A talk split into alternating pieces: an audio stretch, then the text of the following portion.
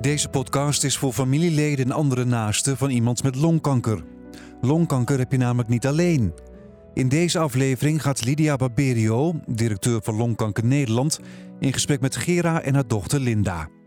Gera heeft sinds juli 2019 uitgezaaide longkanker. Gera en Linda vertellen hoe ze met de ziekte longkanker omgaan en hoe ze naar de toekomst kijken. En ook geven ze tips. Welkom Gera en Linda. Fijn dat jullie hier zijn en dat jullie uh, bereid zijn om uh, jullie verhaal te vertellen. Gera, zou jij je willen voorstellen aan de luisteraars? Ik ben Gera de Koning. Ik word over een paar weekjes 64. Ik heb sinds juli 2019 de diagnose uitgezaaide longkanker. Ik ben een redelijk actief mens. Nou ja, ben, uh, was kan ik beter zeggen. Want uh, het energieniveau is een stukje lager geworden. Ik ben getrouwd. Mijn man is vorige week met pensioen gegaan. Ik heb drie kinderen, twee zonen en een dochter, waarvan dus de dochter hier tegenover je zit. Dankjewel. Nou, Linda, kan jij ook iets uh, over jezelf vertellen? Ja, nou, mijn naam is Linda Klont. Ik ben net de trotse dochter van, uh, van Gera en van Bert natuurlijk. En het zusje van Maarten en Frank. En uh, ja, voor de rest, ik ben 29 jaar. Ik werk als adviseur in de zorg. En nou, ik ben ook een beetje actief. Maar ik heb die energie nog wel wat meer eigenlijk, hè? Ja, ja van jou gekregen. Kijk. Nou, we zitten hier dus met twee hele enthousiaste en toch wel energieke dames. Um, Gera, laten we teruggaan naar het moment waarop jij erachter kwam dat je longkanker had. Je bent naar de huisarts gegaan met klachten. Um, ja, hoe, hoe ging dat? Hoe kwamen jullie erachter dat het longkanker bleek te zijn? Nou ja, dat is voor mij een beetje een gek verhaal. Ik hoestte best wel veel en de omgeving heeft dat meer gemerkt dan ik zelf trouwens. Maar wij hadden een buxus in de tuin en ik dacht dat dat die buxusmot was. Dus de plantjes uit de tuin gehaald. En toen ben ik naar de huisarts gegaan en die kon de klacht niet duiden. Die zegt twee weken antibiotica. En standaard krijg je na twee weken antibiotica een foto. Gewoon een röntgenfoto om te kijken of het beter is met je longen. Mm-hmm. Ik heb maandagsmiddags die foto gemaakt. Ik moest ineens een uur blijven zitten, wat ik al wel gek vond. En dinsdagsmorgens belde de huisarts mij van... moet je morgen naar de longarts toe, want we zijn niet helemaal ermee mee eens wat er nou uit die foto blijkt. Ik heb dat aan een vriendin gemeld. Die heeft toevallig haar gebeld, maar ik was dat zelf niet van plan. Dus we zijn de volgende ochtend samen, zij is toen thuisgekomen, samen naar de longarts gegaan. En samen bedoel je met Linda? Ja, met ja. z'n tweeën. Want ja, ik had zoiets van, kom op hé, uh, ja. het zal wel longontsteking of zo zijn, uh, iets simpels. Maar zij is toen meegegaan. En toen kregen we te horen dat hij toch wel een beetje bezorgd was. En donderdags ben je ook nog mee geweest naar de CT. Daarna moest jij naar huis. En vrijdagsmorgens kreeg ik de uitslag daarvan. Toen is mijn man mee geweest. Mm -hmm. En ja, toen hoorden we dat het uitgezaaide longkanker was. Zo. Dus dat ging in een paar dagen tijd. Ja, want toen de longarts zei van, goh, ik, ik ben bezorgd. Had je enige idee dat hij aan longkanker had? Nee? Ik nee. niet. Nee. Linda? Ik weet niet of jij wel. dat ja. ja. ja, en ik denk dat ook met mijn achtergrond te maken heeft als verpleegkundige. Dat ik um, dat hoesje überhaupt een paar keer tegen haar heb gezegd, alsjeblieft, ga naar de huisarts. En uiteindelijk is ze gegaan, daar was ik heel erg blij mee. En ik was ook heel blij dat haar vriendin mij belde van, je de moeder moet morgenochtend uh, terugkomen. En bij mij gingen echt alle alarmbellen af op dat moment. En dat was ook best wel een bijzonder gesprek die dag erna. Mm-hmm. Want we hadden dus die, de uitslag hè, van, de, van die Torox-foto. En hij liet het zien wat er te zien was. En hij noemde het een, of jij noemde dat een spookje. Er was een spookje te zien, oh. zo leek het. Mm-hmm. En hij begon erover. Ik merkte dat ik een beetje bevestiging aan het vragen was van, maar dat kan toch ook iets anders zijn? En nou, hij zei wel, ja, we moeten ook echt rekening houden met dat het iets anders dan inderdaad een longontsteking of iets van een obstructie is. En jouw eerste reactie was toen, ja, je had het wel een beetje door. Want jouw eerste reactie was, ja, maar ik heb inmiddels drie volwassen kinderen afgeleverd. Dus ja, mijn taak als moeder zit er ook op. Dat was jouw eerste reactie. En jouw arts zat jou echt aan te kijken. Oké, okay, maar dat is ook wel weer typerend voor jou, want zo mm. ga je al die gesprekken in. ja, dat was. Uh, ik, ik, ja, in, mijn, in mijn gevoel zei wel van: dit is niet goed. Nee. Het was wel toen vrijdags dat gesprek was van dit is uh, uitgezaaide longkanker. Dat was om 12 uur of zo. Mhm. Ik ben naar de balie gelopen om vervolgafspraken te maken.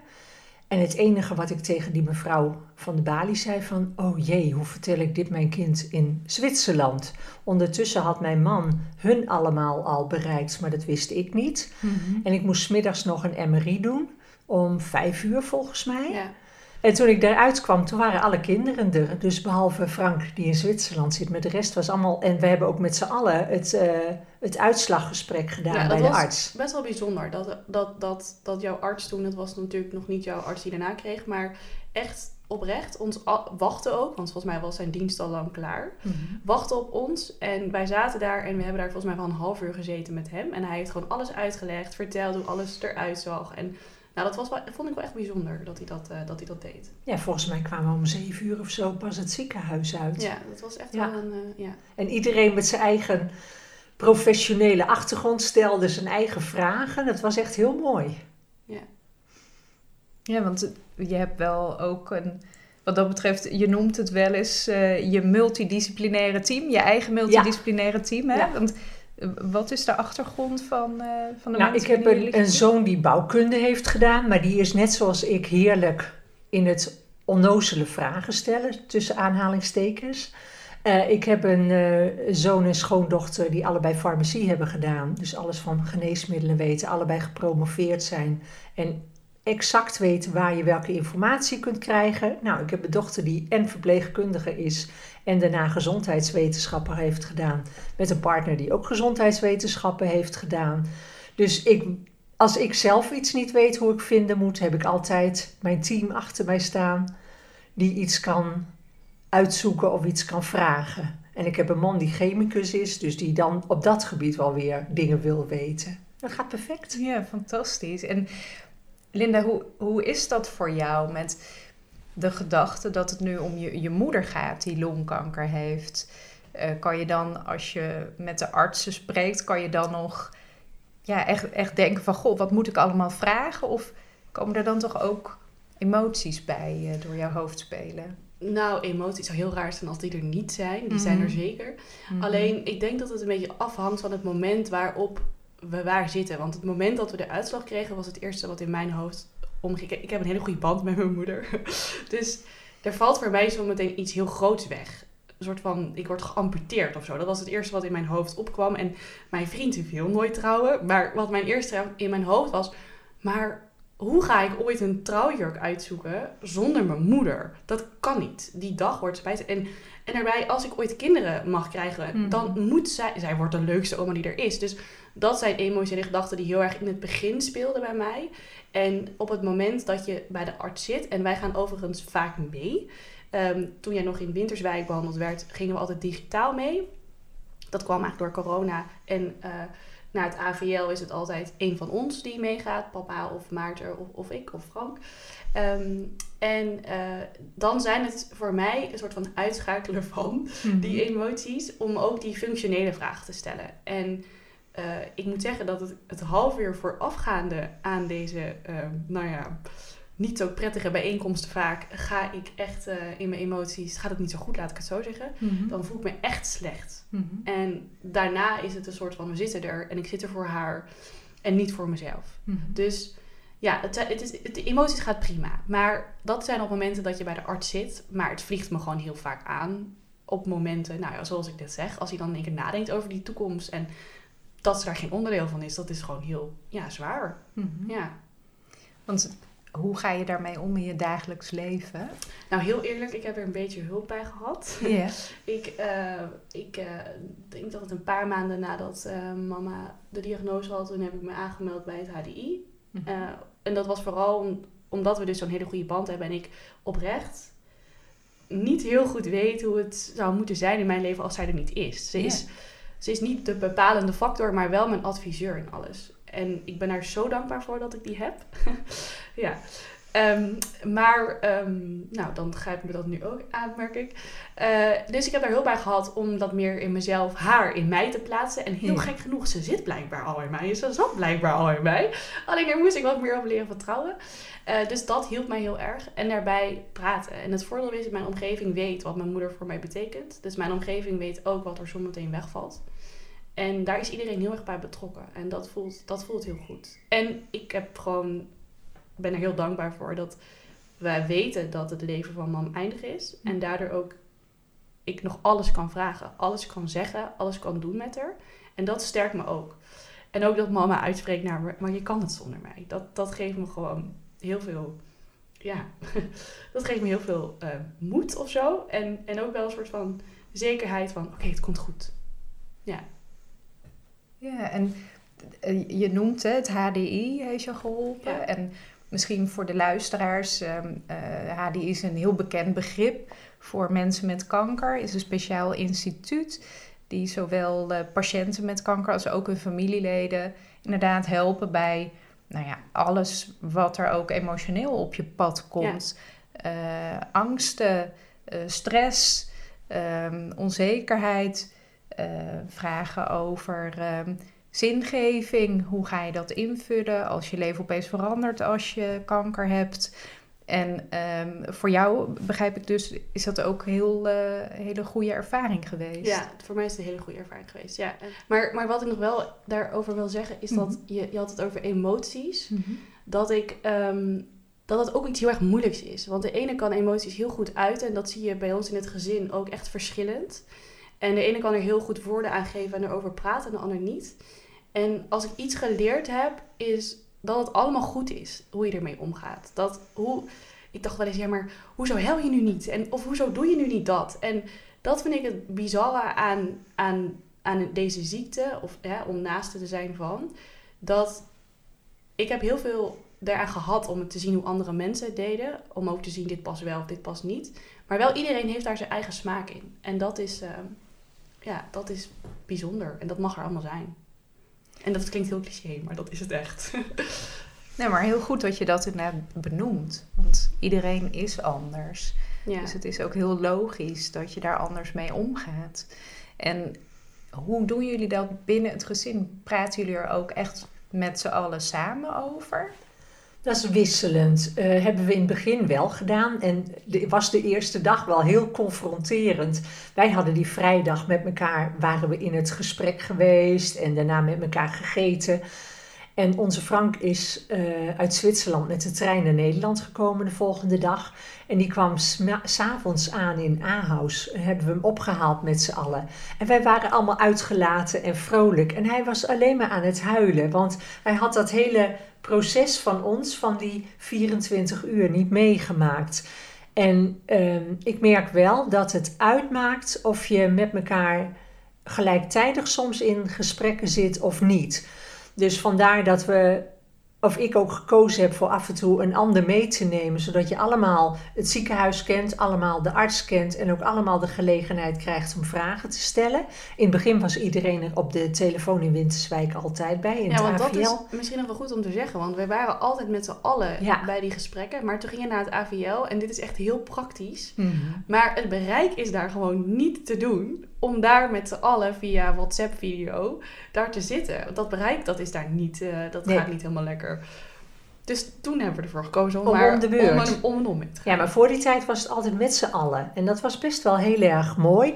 En Linda heeft de dag na de diagnose een WhatsApp-groep aangemaakt... waarin al onze familie, vrienden, maar ook de vrienden van de kinderen en zo zitten. Volgens mij zit er iets van 70, 80 in of zoiets. En als er iets is, of als er een uitslag is, dan krijgt iedereen dus op hetzelfde moment hetzelfde bericht via de WhatsApp-groep. En ik merk wel dat dat wel voor heel veel mensen heel duidelijk is. En dat ze ook zien dat wij als gezin zijnde allemaal onze eigen taalgebruik hebben, maar wel allemaal hetzelfde doel hebben. En ik, ik ben daar heel blij mee dat dat uh, heel goed loopt. Ook onzinberichtjes worden er af en toe in gedeeld. Maar meestal uh, één keer in de vijf, zes weken als er iets uh, bijzonders aan de hand is. Maar dat weet je ook dat je mensen niet meer iets hoeft uit te leggen, want ze hebben er gewoon de informatie gehad. Ze kunnen ons vragen stellen. Ja, zeker. Lijkt me ook heel praktisch. Als je zelf al, nou ja, sowieso om naar een resultaat of een uitslaggesprek toe te leven, is vaak al heel stressvol voor mensen. En je bent dan toch wel uitgeput, kan ik me voorstellen, als je daar vandaan komt. En je omgeving is uiteraard heel geïnteresseerd naar die uitslag. Maar als je daarna ook nog al die telefoontjes moet beantwoorden, dan zit wel echt een hele, hele mooie praktische oplossing daarvoor. Heb ik in het begin me niet gerealiseerd hoe praktisch het was, maar dat, dat is het wel hoor. En uh, kijk, zij krijgt reacties van mensen, Frank krijgt reacties, ik krijg reacties van mensen. Ik krijg trouwens bijna geen reacties. Hooguit twee of drie die naar mij reageren. De rest reageert allemaal uh, richting hun.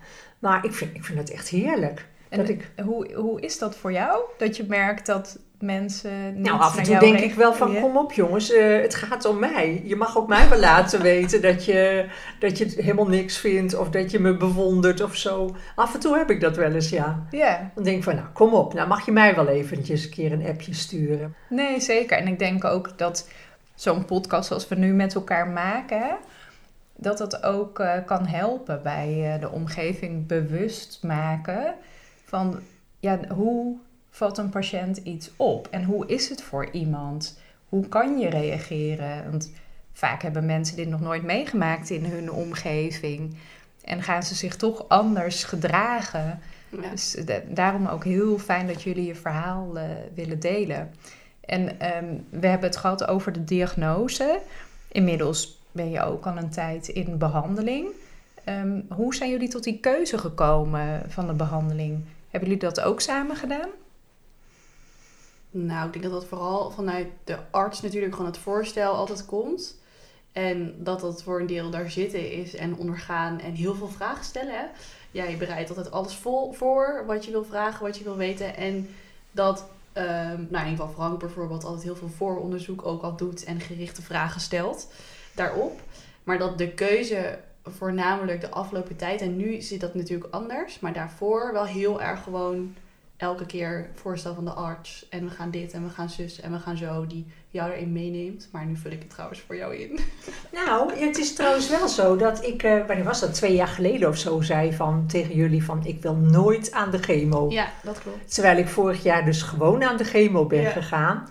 En dat is dan weer het voordeel van een lotgenotengroep. Dat daar een aantal mensen gelijktijdig met mij aan de chemo waren en zeiden, ach het valt wel mee.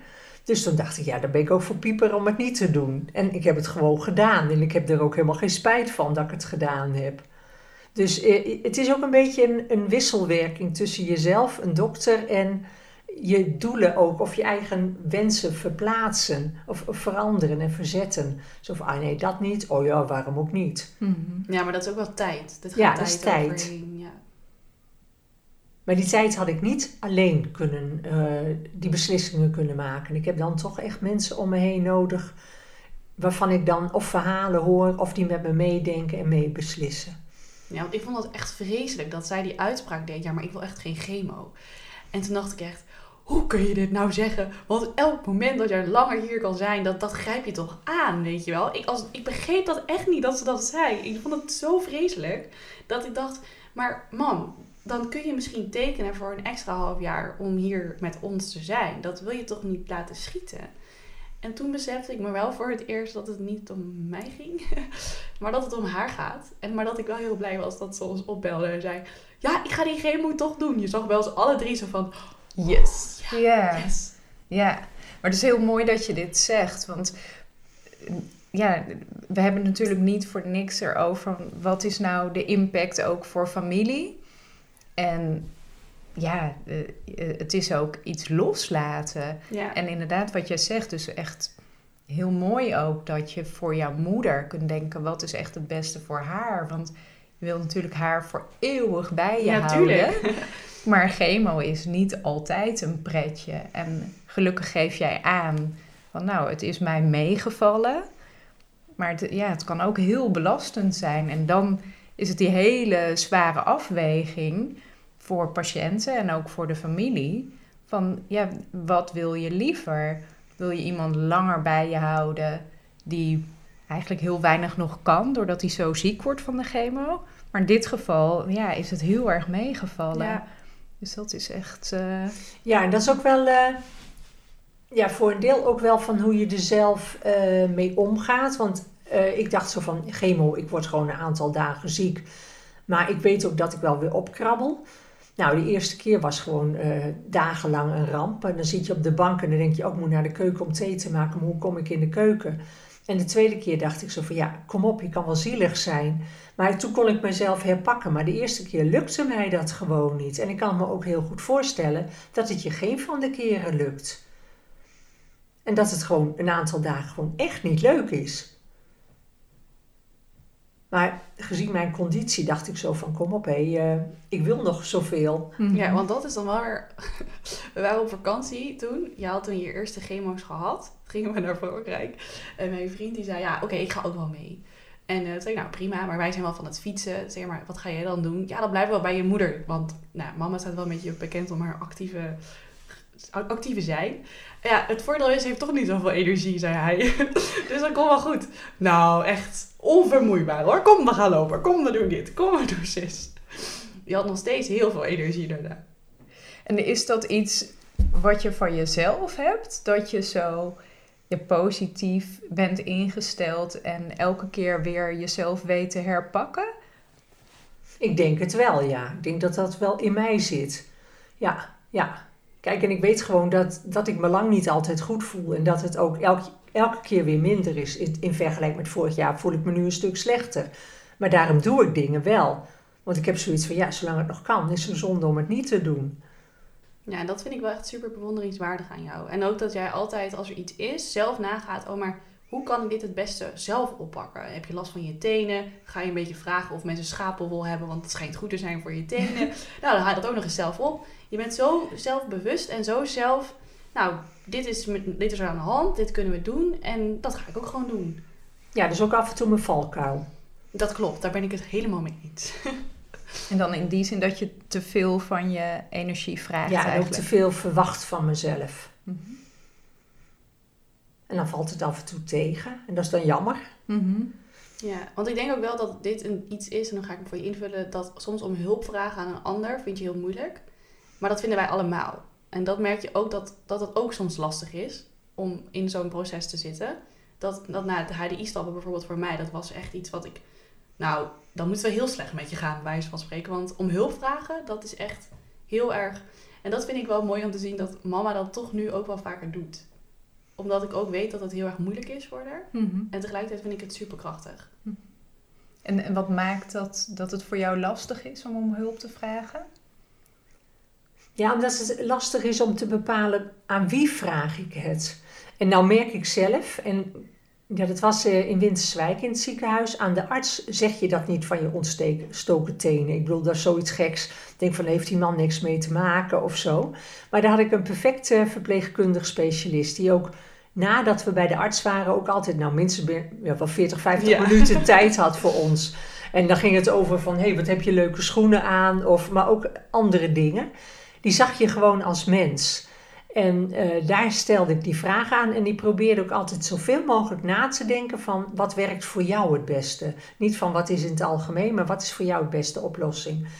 En ik merk nu in het AVL dat ik uh, het gevoel heb dat ik meer een, uh, ja, meer een patiënt ben die ten dienste staat van het onderzoek van artsen, om het even heel mhm. zwart-wit uit te brengen.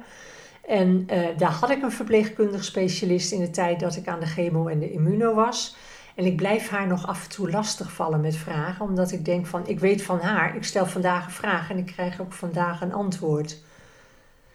En ik zou iedereen verpleegkundig specialisten toewensen, zoals Esther en Juanita. Maar dit is heel erg vanuit de medische kant. In je normale leven ga je niet verpleegkundig specialist een bericht sturen. Ik wil graag een kopje thee. Ook daarin moet je ja, vragen meer om hulp.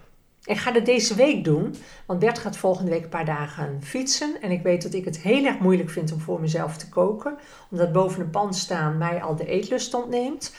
En ik ga mezelf drie dagen uit eten uitnodigen bij vrienden. En als het mij niet lukt, dan komt de arts, de huisarts, heeft ze me beloofd drie dagen een pannetje brengen. Nou, tuurlijk gaat me dat lukken. Geweldig. Want eh, wat is de rol van de huisarts voor jou?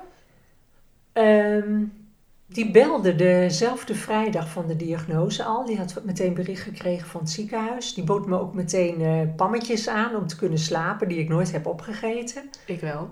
Ik niet. Ik heb ze ook weer teruggebracht, de laatste paar. Want ik denk, ja, ik hoef dat niet. Maar die belt gewoon elke paar maanden om te vragen hoe het gaat. En daar heb ik nu ook uh, dingen als mijn uh, laatste wil en euthanasieverklaring mee geregeld. Dus uh, daar ben ik nu gewoon, ja, we zijn in goede verstandhouding met elkaar. En, en je noemt hè, van, ehm, je hebt je laatste wil en euthanasieverklaring geregeld.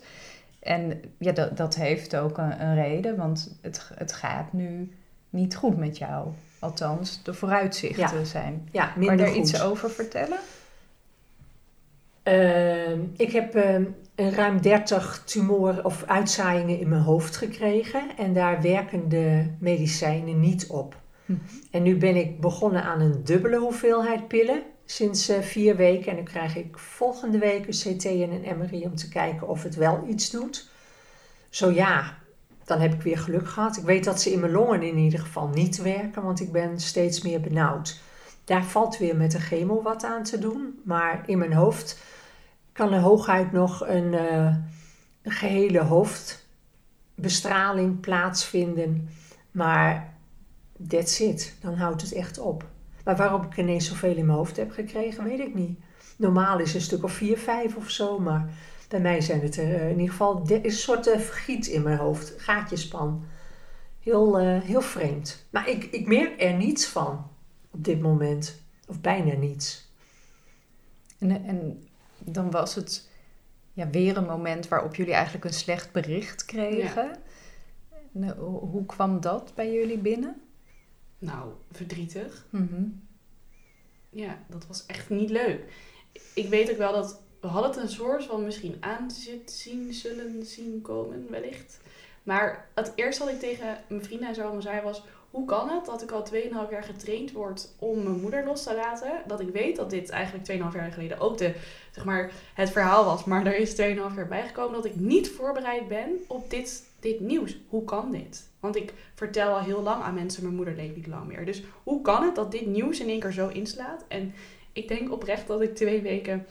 Ik kan niet eens meer herinneren wat ik heb gegeten, wat ik heb gedaan. Helemaal niks. Twee weken was ik echt heel erg van de kaart. En, het was gewoon compleet in shock. Ja, oprecht. Ja. En dat is ook ingewikkeld. Uh, als je het hebt over hulpvragen.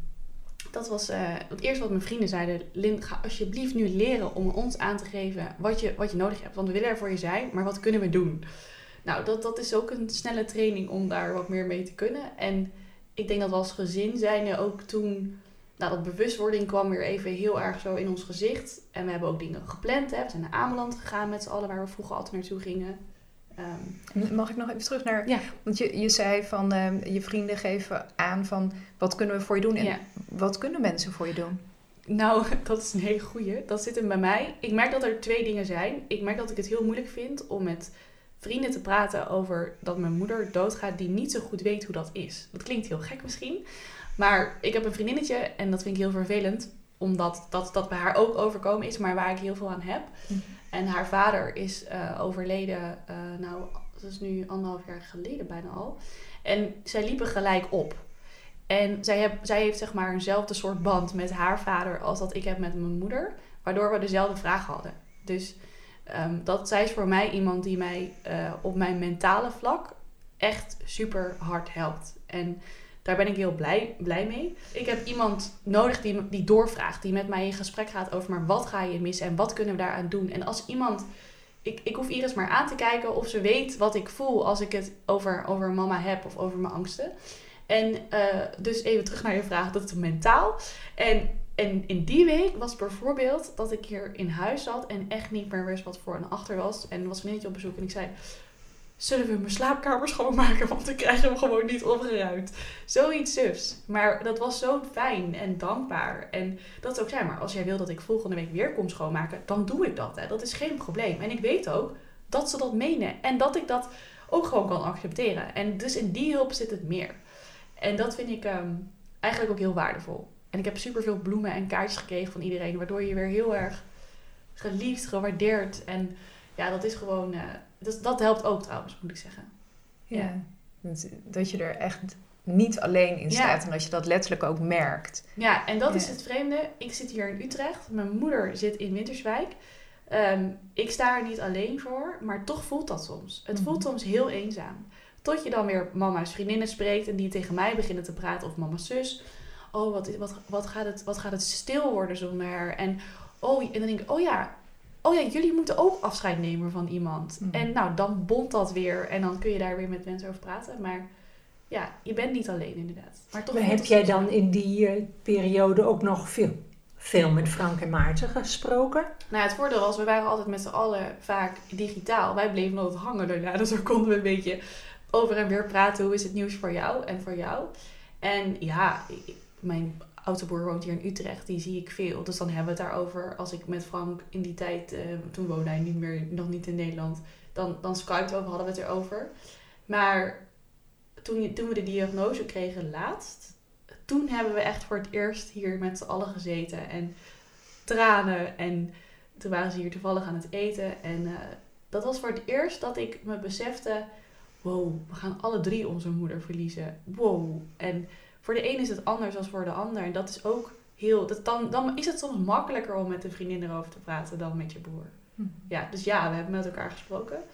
Maar misschien ook wel soms op functioneel niveau. Wat doet die diagnose met je? Soms misschien wat minder. Maar meer wat moeten we regelen of wat kunnen we doen? Of welk onderzoek kunnen we opzoeken? Ja. Ja. En is het uh, nu jullie weten van god, ja, de, de vooruitzichten zijn nog slechter geworden dan ze waren. Is het dan uh, ja, het, het verdriet dat overheerst? Of hebben jullie iets van, wij willen ook nu alles eruit halen wat er nu nog in het leven zit? Nou, het voordeel is dat mama nooit ons heeft laten merken, want dat doe je los van merken, dat wil jij helemaal niet. Ik heb een bucketlist en dit moeten we realiseren en dit moeten we doen. Helemaal niet. Jij neemt alles zoals het komt en zoals het gaat. En dat omarm je natuurlijk. Maar dus dat, dat alles eruit halen, dat heb ik niet zo het gevoel dat dat erin zit. Maar wat ik wel heel erg heb, is dat. Uh, en ja, ik, ik, moet zeggen dat ik redelijk emotioneel ben de laatste tijd hier, hierom en hierover. Um, maar dat ik wel intenser geniet van dingen nu met mama. En er zijn wel dingen die ik nog met haar wil doen. Uh, dus ja, ik heb dat zeg maar. Zij heeft niet dat ze naar New York wil of zo. Maar ik heb een kleine aantal suffe kleine dingetjes waarvan ik denk... Dit wil ik heel graag met haar doen. En dat... wat, wat zijn dat voor dingen? Nou, mijn moeder heeft dus haar rijbewijs gehaald. Dus ik wil graag een keertje bij haar in de auto. Dus dat is één dingetje. Dat is klein. Een ander dingetje is... Mijn uh, ouders hebben een trouwboekje waarin de namen van de kinderen staan. Maar er ontbreekt één naam in dat boekje en dat is mijn naam. Dus ik wil graag in dat boekje. En eh, voor jou, Gera, heb jij nog dingen waarvan je zegt van nou, dat zou ik nog zo graag willen doen? Nou, zo graag wil ik doen dat het leven normaal blijft, dat het gewoon blijft. Dus dat ik me gewoon uh, politiek nog maar kan bezighouden. Dat doe ik ook al een stuk minder dan, uh, intensief dan dat ik deed. Maar en dat ik gewoon bij mensen op bezoek kan gaan, gewoon op een fiets kan stappen gewoon bij hun, met hun dingen kan doen. Nee, ik, ik wil het liefst zo gewoon mogelijk. En niet iets speciaals. Dat zit niet in mij. En, en weet je wat speciaal is? Is ook een groot woord. Want iets anders waar ik gewoon echt graag met mama voor wil zitten is de camera op haar neus en vertellen is waar ben je geboren? Waar kom je vandaan? Om het vast te leggen. En dat is ook wat, wat mijn vriend uh, Douwe aan jou had gevraagd: van, mag ik een filmpje opnemen met jou? Zodat ik onze aankomende kinderen in de toekomst kan voorstellen uh, aan hun oma. En nou ja, eigenlijk andersom dus, hun oma kan mhm. voorstellen aan hun. En dat zijn dingen die, ja, zijn voor mij heel speciaal. Ze zijn niet groot, maar wel heel, heel bijzonder en waardevol. Ja, maar dat, ik, ik vind het heel erg mooi om te horen dat, ja, eigenlijk iets heel naars jullie wel heel erg heeft laten zien dat het normaal kunnen leven, dat dat al zo bijzonder is voor heel veel mensen. Ja. Het is niet iets vanzelfsprekends. En ja, daar word je dan nu met je neus op de feiten. En ik vind het ook heel bijzonder om nu te realiseren de laatste paar jaar hoe, wij, hoe hecht wij zijn. Ja. Wat ik me voor die tijd nooit zo gerealiseerd had, wat ik nu voel. Ja, klopt. Dat zijn we zeker. Ja. Maar ook wel, en ik ben wel een beetje bang dat als mama er zometeen niet meer is, dat ik daar weer in verval. Dat je eh, wat minder in uh, heel bezig bent. Ja, morgen dit, zus, zus, zus, zus, zo. Dat jij heel erg in het nu zit. En mij ook heel erg naar het nu haalt. We waren op Ameland. En toen gingen we naar de boot. En toen zei ik, wat vond je van het weekend? En toen verbeterde jij mij. En zei, wat vind je van het weekend? Want we zijn er nog. En we zijn nog niet weg. En we lopen hier nog. En dan denk ik echt, oh ja, jeetje. Dat wil ik, hoop, wil ik vasthouden. Ik, ik ben bang dat dat door hoe we nu leven met z'n allen, dat dat, dat weggaat. Maar toch hoop ik dat dat, dat dat blijft. Want dat heb ik wel echt meegekregen van, van, van jou, ja, jouw zijn.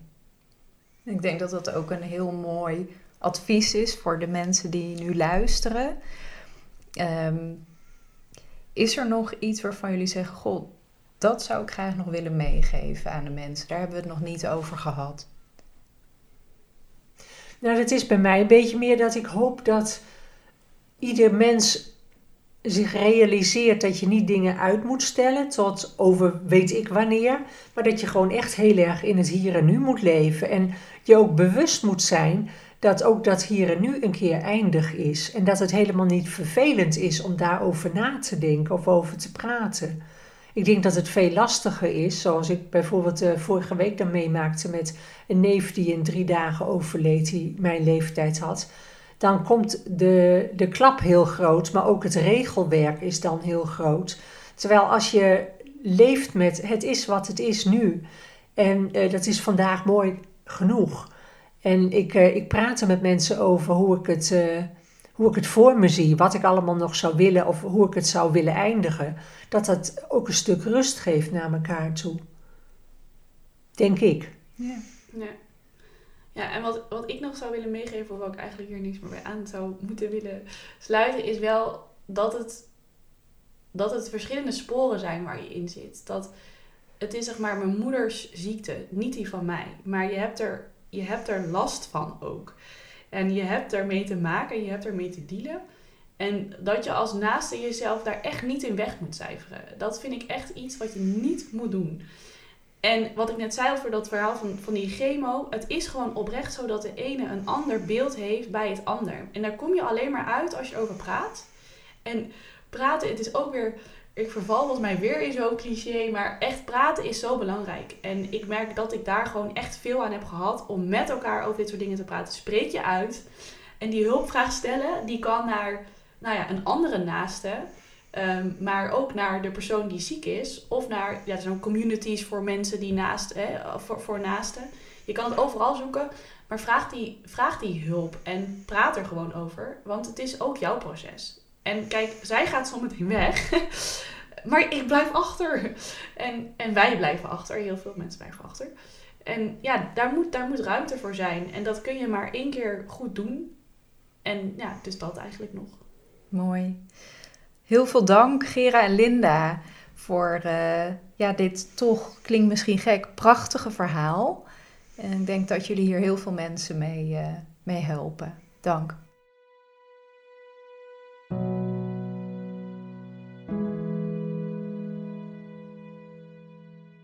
Dit was deel 1 van de vijfdelige podcastserie Longkanker heb je niet alleen. In de volgende aflevering hoor je het verhaal van Hans en Merel. Merel heeft sinds november 2014 een bijzondere vorm van longkanker. Hans en Merel vertellen hoe het is om als gezin al jaren met de diagnose ongeneeslijke longkanker te leven.